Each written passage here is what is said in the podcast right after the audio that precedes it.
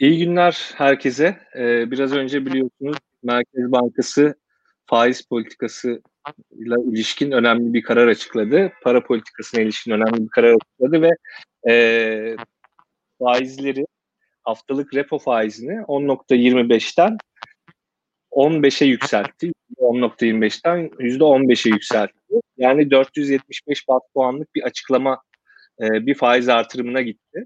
E, geçlikte penceresine ilişkin e, herhangi bir değişiklik faiz koridoru olduğu gibi duruyor. E, bu kararda biraz önce Nevşin Mengin yayınında ben e, yorumlamıştım biraz önce. Fakat değerli ekonomik Gelecek Partisi Ekonomik Politikaları Kurulu Başkanı Kerim Rota yorumlamak istedim. Kısa bir yayın olacak. Yaklaşık bir 15-20 dakika sürecek. Ee, onun için şimdiden özür dileyim. Daha uzun yayın yapmak isterdim ama Kerim Bey sağ olsun e, çok kısıtlı vaktine rağmen e, yayına katılmayı kabul etti. Ben de hızlıca bir yayın başlattım. Hoş geldiniz Kerim Bey. Hoş bulduk Enes Bey. İyi yayınlar. Kararın sonuçları ne olur sizce? Şu an için biraz e, muğlak gibi duruyor. Beklenen dolardaki hızlı düşüş, ani düşüş pek gelmedi gibi. Siz ne düşünürsünüz? E, malumun ilanı hani eski belki Türkçe ile oldu tabii. E, aslında dolardaki düşüş e, bunu fiyatlayarak olmuştu. Yani 8 50 8.55'lerden biliyorsunuz e, 7.60'lara kadar e, gelmemizin sebebi de e, bu malumun ilanının gerçekleşeceği beklentisiydi.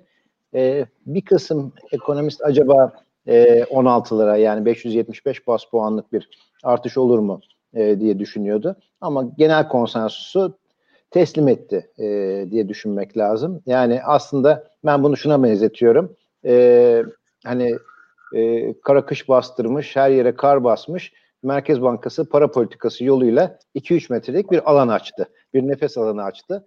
Bu hem zaman kazandıracak hem de e, biraz e, hareket alanı kazandıracak diye düşünüyorum bundan sonrası için.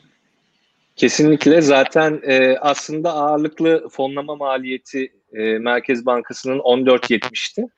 E, şimdi biraz ağırlıklı fonlama maliyetini hafiften geçmiş oldu. Yani o seviyelere taşımış oldu. Aslında reel olarak çok bir faiz artışı yaşamışız diyemeyiz. Evet. E, fakat bir sadeleşme en azından şu an e, görülüyor.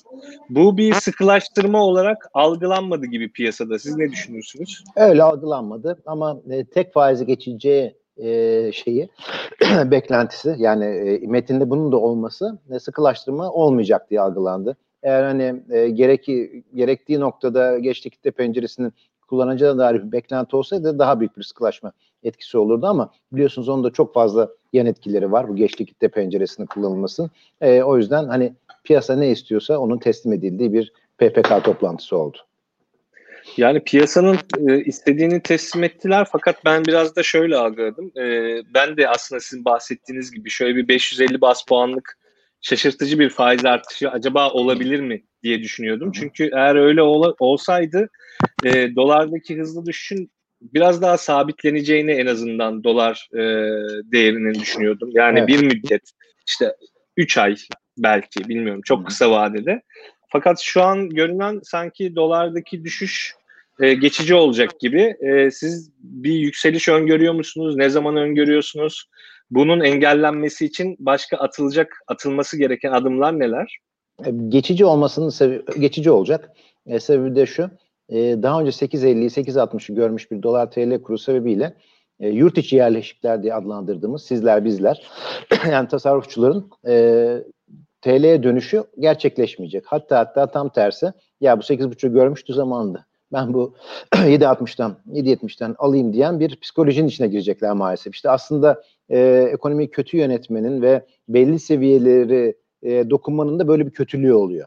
E, o yüzden e, özellikle yurt içi yerleşiklerin talebiyle e, ben bu hafta, gelecek hafta, önümüzdeki birkaç hafta içinde bir talep olacağını düşünüyorum. Ama burada kritik olan şu. Mevduat faizleri. Yani mevduat faizleri nereye oturacak bundan sonrasında? E, bir de biliyorsunuz Aralık sonuna kadar bir yıllık mevduatlarda stopaj sıfırlandı. E, 16-17 gibi bir mevduat faizi görebiliriz, görülürse 17-17,5 gibi. E, o zaman e, 2-3 haftalık bu heyecan geçtikten sonra e, Türk lirasındaki stabil e, durum daha kalıcı halde olabilir diyebiliriz.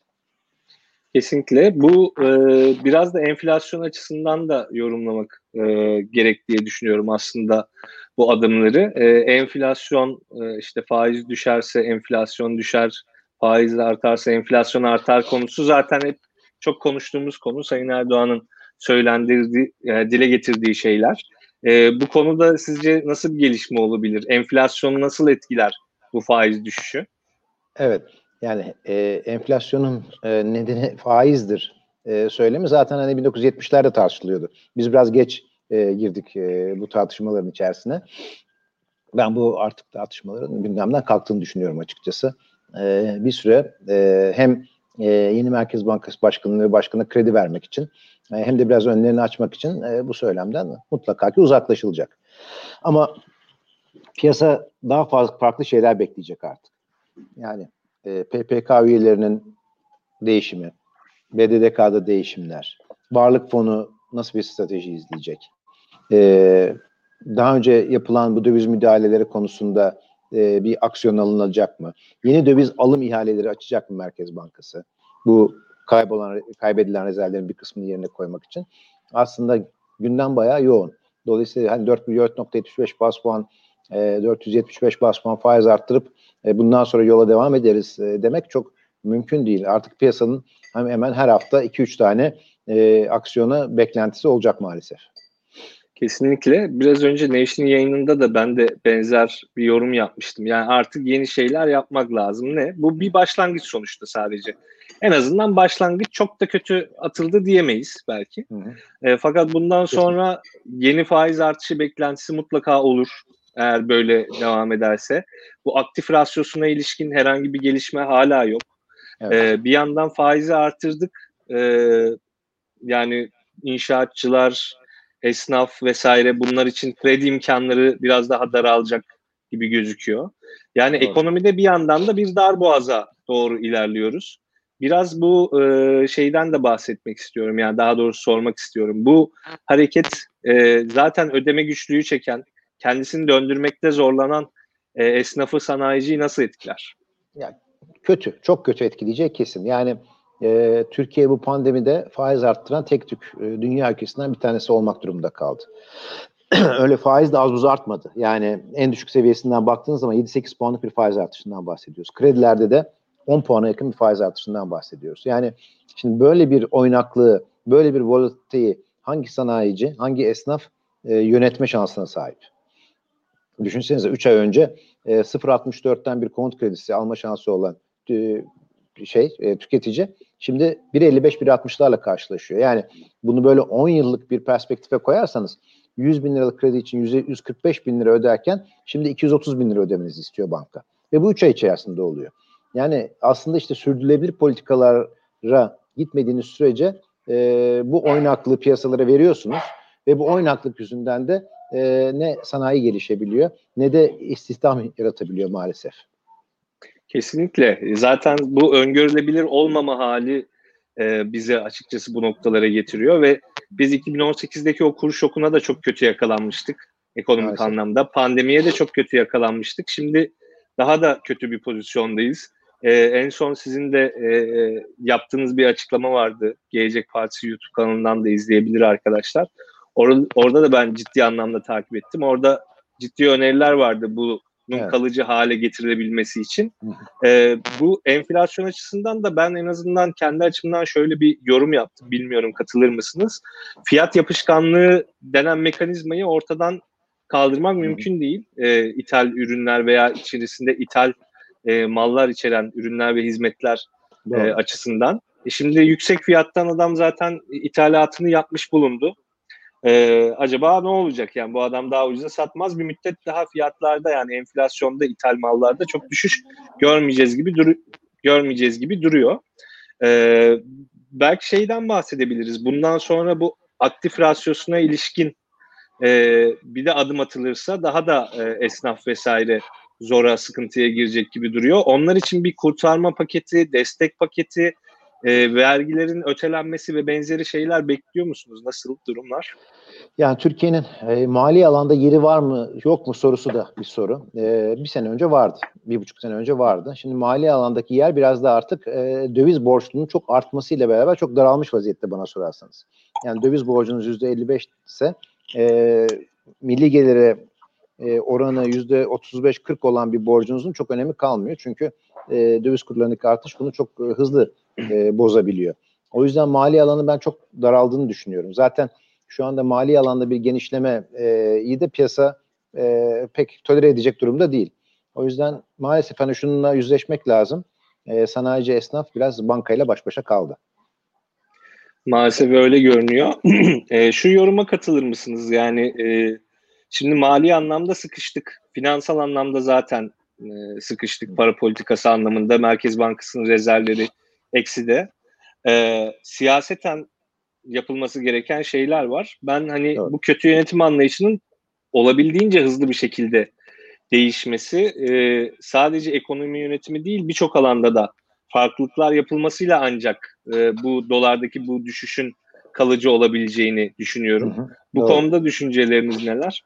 Yüzde yüz. Yani şimdi burada e, hani en başta işte artık çok klasik bir hepimize gelen işte hukuk, demokrasi, yargı reformu falan gibi şeyleri hani bir kenara koyuyorum. Bunlar olmazsa olmazı zaten. Ama en azından Türkiye'nin ödemeler dengesi e, arabasını devirmemesi için gereken şeyler var. İşte bu da para politikası, aktif rasyosu, mesela koyu projeleriyle ilgili aksiyonlar, varlık fonu ile ilgili aksiyonlar. Hani bu aksiyonlarla da idare edilebilecek bir bir yıl bence var. E, bunların e, yapılması şart ama tabii ki en tepedeki demokrasi, hukuk, yargı reformu ama hani öyle bir günlerde ve öyle bir dünyada yaşıyoruz ki e, hani bu nasıl olacak bir e, mafya lideriyle bir mafya liderinin bir ana muhalefet partisi e, başkanına rahatlıkla hani sövebildiği bir dünyadayız. E, yargı reformunun aynı anda konuşabiliyoruz. Biraz sürreal geliyor bana açıkçası. Biraz e, asıl düşüncem şu. E, yani bu işte son bir hafta 10 gündeki e, söylemlerin çoğunun aslında e, portföy yatırımlarına gerçekten ihtiyacımız olması sebebiyle yazıldığını düşünüyorum. Umarım yanılırım. E, hani inşallah bu yönde doğru adımlar atılır. Hani e, artık şuna bile ben e, neredeyse razıyım. Ya hani bu rüzgarda e, belki e, çok popüler diye adlandırılacağımız işte yani Osman Kavala gibi e, isimlerinde belki e, serbest bırakma şansı olursa bu bile bir kazanım olacak. E, arka tarafından çok ümitli değilim. O konuda işte bizim de e, pek ümidimiz yok maalesef. Fakat belki e, ya şunu da konuşmak lazım. Mesela varlık fonundaki çeşitli iyileştirmeler yani ama burada şöyle bir açmaz var. Kamu bankaları o kadar fazla kredi verdi ki ve o kadar ucuz fiyata işte kredi vermek zorunda bırakıldı ki aslında varlık fonu en son borçlandığında bizim hazinemizden daha yüksek bir faizle borçlanmak zorunda kaldı. Yani orada da yani kurumsal olarak da böyle kıpırdayacak yer pek kalmamış gibi duruyor. Tabii. Umarım yani hepimiz için daha iyi olur diye düşünüyorum.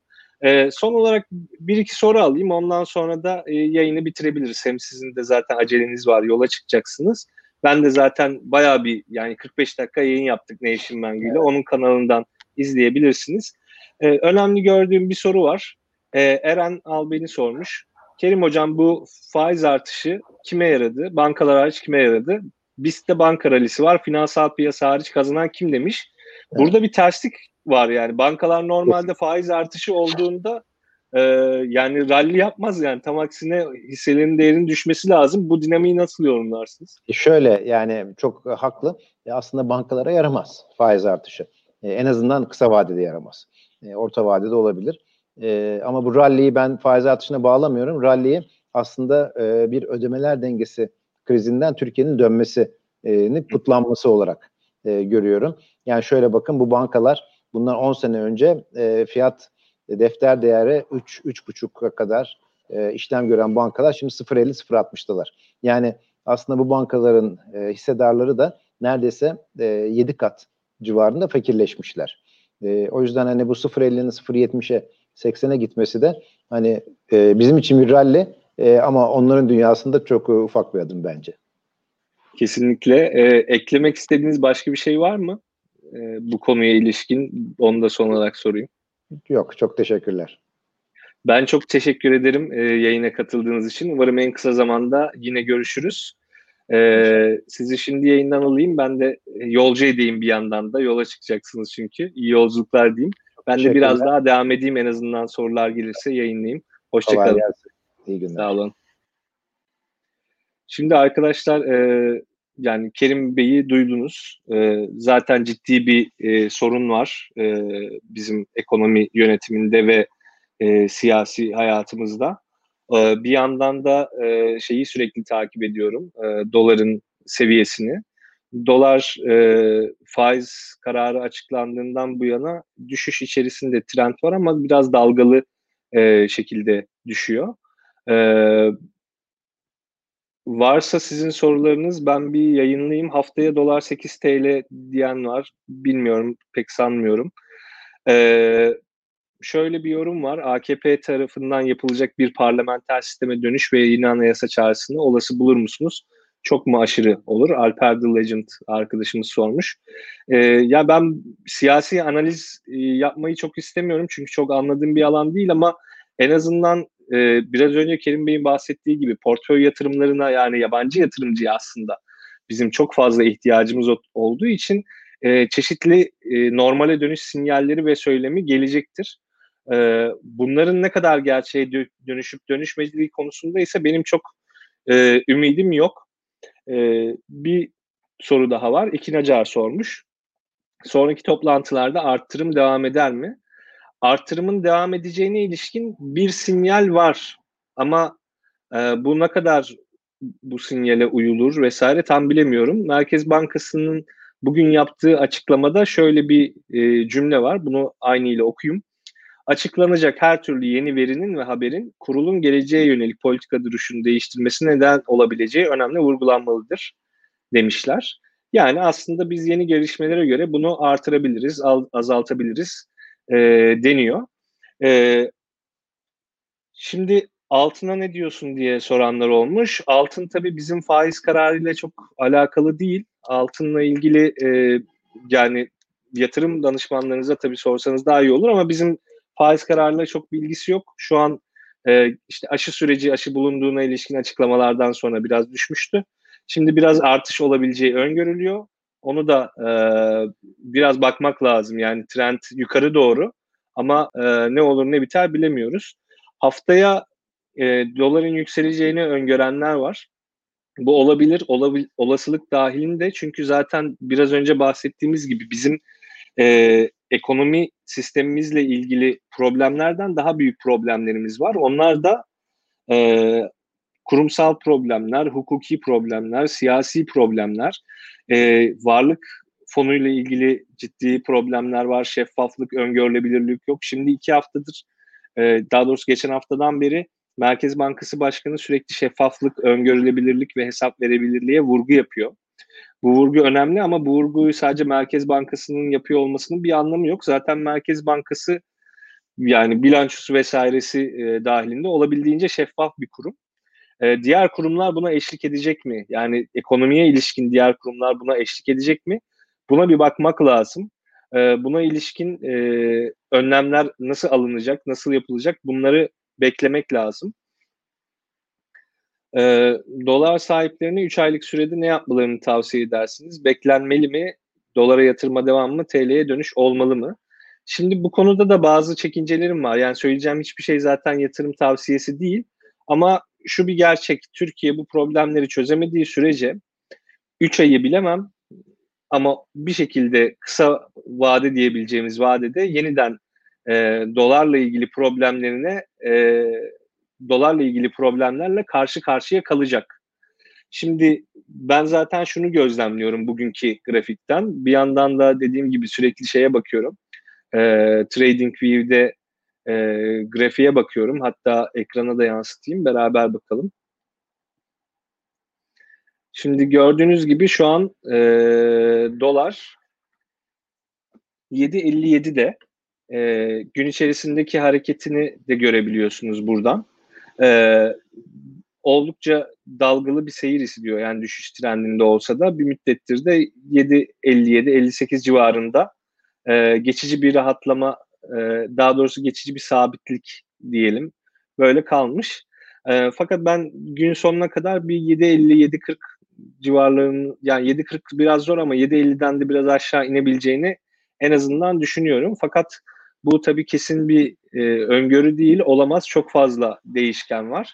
E, sadece faiz kararına bağlı olsaydı eğer e, bizim dolara ilişkin problemlerimiz bunu zaten 7.50 değil işte 7.20'lerde falan da görebilirdik. Ama şunu bir vurgulamak lazım. Tekrar en başa dönersek bizim Merkez Bankamızın ağırlıklı ortalama fonlama maliyeti. Yani Merkez Bankası piyasayı ne kadardan fonlamış? %14.70'ten fonlamış. Şimdi bizim faiz artışıyla yaptığımız şey bunu %15'e çekmek ve normalde geç likitte penceresi denen çok nadir kullanılması gereken bir aracı çok fazla kullanarak fonlamıştı Merkez Bankamız piyasayı. Şimdi burada da bir sadeleştirmeye gittik. Fakat bu sadeleştirme e, kendi içerisinde bir sıkılaştırma anlamı da taşımıyor. Bunu öngörmek lazım. Yani sadece e, şey değil, e, biz para politikasını sıkılaştırdık demek değil bu. Zaten dolardaki düşüşün yüksek oranda olmamasının sebebi de bu. E, Merkez Bankası'nın özellikle e, atıf yaptığı bazı şeyler var işte e, şeffaflık, öngörülebilirlik, hesaplanabilirlik gibi. Bu ilkelere göre biraz daha hareket edeceğini söylüyor. Yani buradan ilerleyen dönemlerde de Merkez Bankası'nın ufak tefek de olsa işte 50 bas puanlık, 100 bas puanlık, 150 bas puanlık e, faiz artışı e, yapabileceğini biraz daha öngörebiliriz. Fakat yani esas problem şurada. Şimdi e, Kerim Bey'le de biraz önce konuştuk. Yayına yeni gelenler varsa tekrar bir özetleyeyim. Bizim e, yapmaya çalıştığımız şey, daha doğrusu bize söylenen şey doların düşüşü bizim ihracatımızı hızlıca artıracağı ve bizim aslında cari açık dış açık e, vermek e, zorunda kalmayacağımızdı. Fakat doların hızlı artışı süresinde bile biz ihracatta yani yüzde beşlik bir kıpırdanma gördük. Ee, bu ciddi oranda yeterli değil yani bizim için.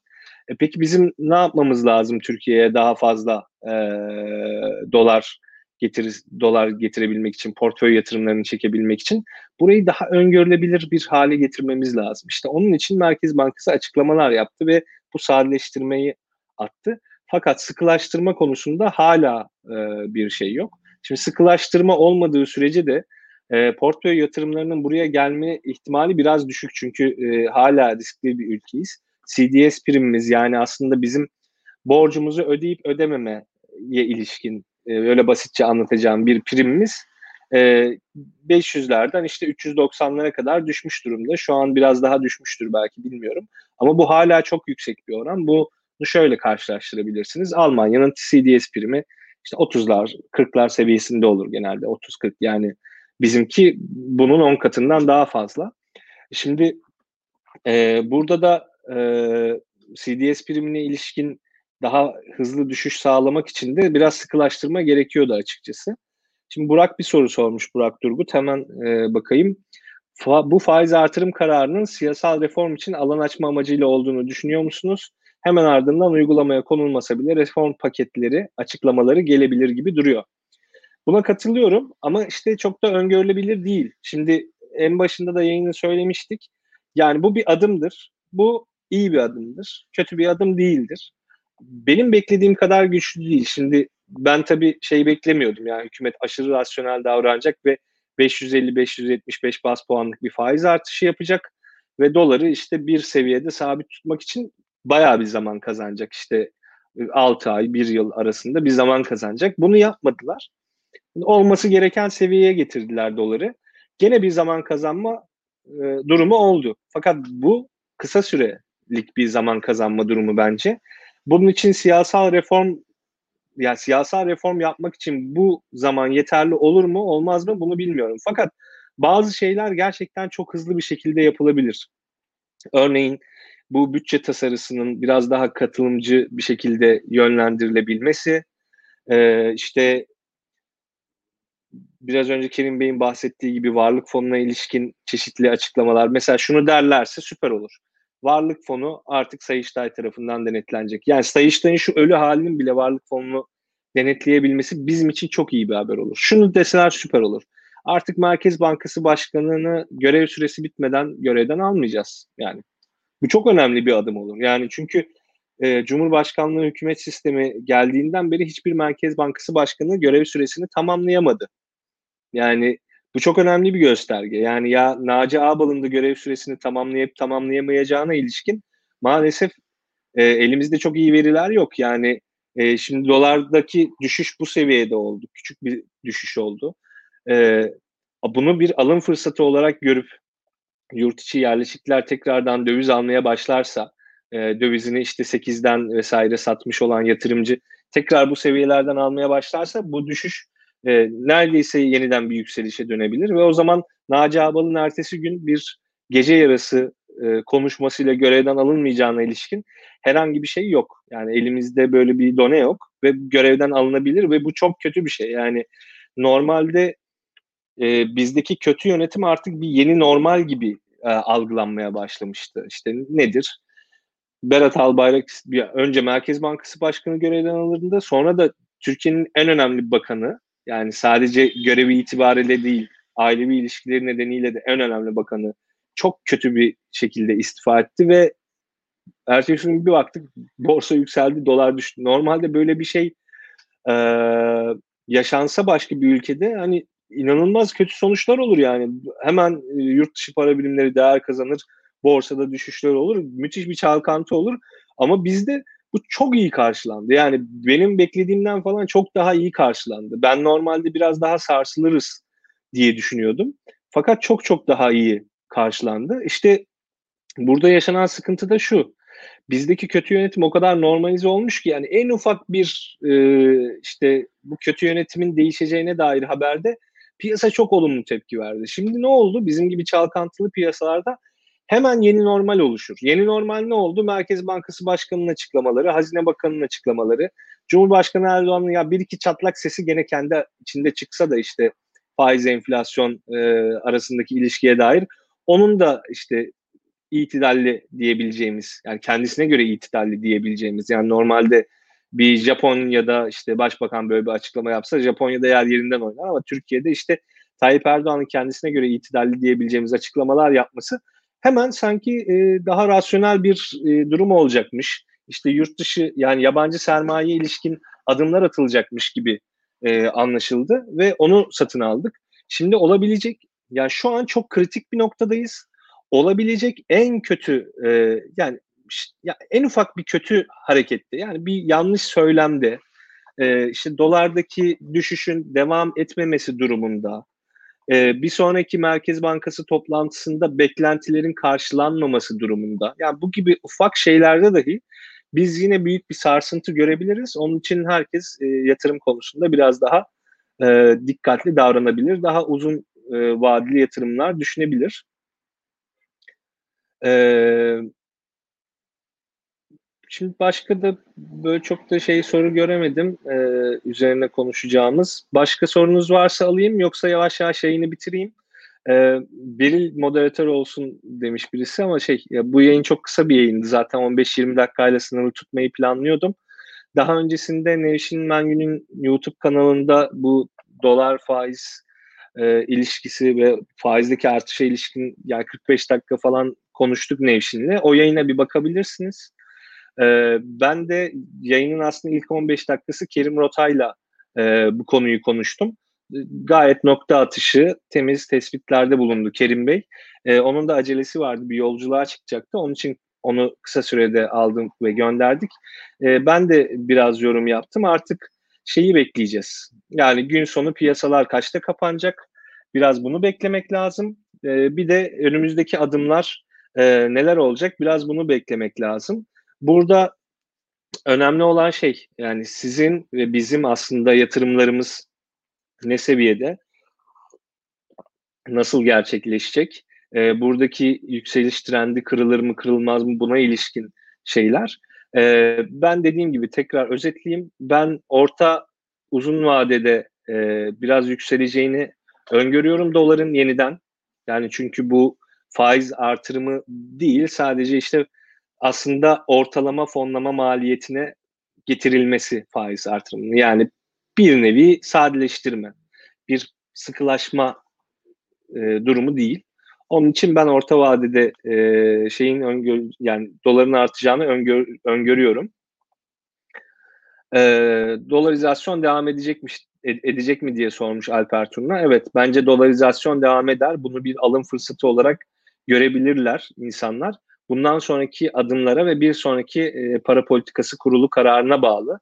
E, aynı zamanda Kerim Bey de vurgulamıştı. İşte para politikası kurulundaki insanlar, e, Cumhur Merkez Bankası'ndaki banka meclisindeki insanlar. Yani buraya kadar izleyeceğiz artık. Yani kim nerede ne yapıyor falan hepsini gözleyeceğiz, izleyeceğiz. Ondan sonra daha sağlam e, yorumlar yapacağız. E, 8.58'den dolar alan biri varmış. Yani maalesef çok yüksek bir orandan almışsınız bu doları. Bunun böyle olmasını istemezdim. E, yani e, işte piyasada şöyle bir şey var. Yani bir şey yükseliyorsa hepsi yükselecek, düşüyorsa hep düşecek gibi bir şey yok arkadaşlar. Yani bunun belli koşulları var. İşte 8.58 zaten Türkiye için çok yüksekti. Bakın reel efektif döviz kuru diye bir şey var. Bunun belli bir hesaplama yöntemi var. İhracat ya daha doğrusu dış ticarette bulunduğumuz e, ülkelerin para birimlerine oranla işte Türk lirası ne kadar değerli? Bunun işte çeşitli yüzdeler alınıyor vesaire. En yüksek e, ihracat yaptığımız ülkelerin para birimiyle karşılaştırıyor.